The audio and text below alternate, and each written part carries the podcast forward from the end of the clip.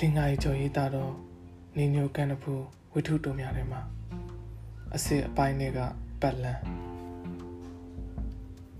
အဲ့ဒီတုန်းကမြို့ကလေးကတော်တော်ကလေးစိမ့်စိမ့်နန်းနန်းရှိနေသေးသည်ထူးသဖြင့်တော့မျိုးတို့အိမ်ရဲ့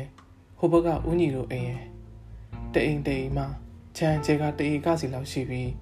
နှစ်အိမ်လုံးခြံဝင်းအတွင်းနေပြမထိုးနိုင်လောက်အောင်တရက်ပင်နဲ့မလာကပင်များထူတက်စွာပေါက်နေကြသည် ခြံတစ်ခုကြားမှာတော့ပုံနေရိပ်စီယိုးကလေးသာရှိသည်ထိုစီယိုးကလေးလည်းတိတိညီညီကလေးညှက်ထားတော့အပေါက်ကနှစ်ပေါက်တောင်ရှိသည်မျိုးတို့မောင်နှမငငယ်ကလေးကဥညီနဲ့ဒေါ်လင်းချင်းတို့ခြံပတ်မှာတနေကုန်းဝင်စိုးထက်ဆိုနေတတ်သည်မို့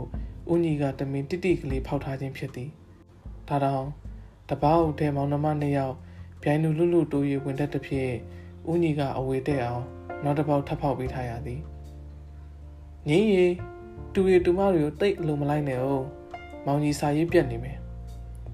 မျိုးမိမိကအာနာစွာဆိုဘူးသည်ဒေါ်လင်းချင်းကတော့ထုံးစံအတိုင်းအေးချမ်းစွာပြုံးပြပြီးဖြေသည်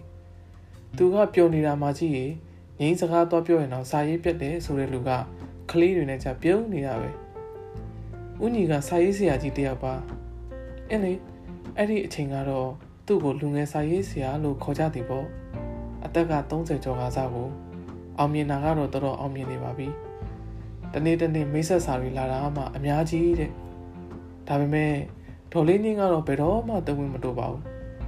ဦးညီကလည်းတဝင်းတိုးစရာမကောင်းပါတက်ကတူတဲ့လက်ထောက်ကတိကလုတ်ခဲ့သည့်ဘဝမှာသည်အလုံးထွက်ပြီးစာရေးဆရာဘဝတစ်ခုတည်းနေရက်တည်သည့်အထိ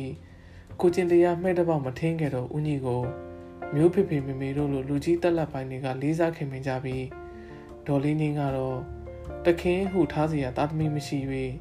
လင်းယောက်ျားကိုသာလေးမျက်စွာယူကျိုးလေသည်။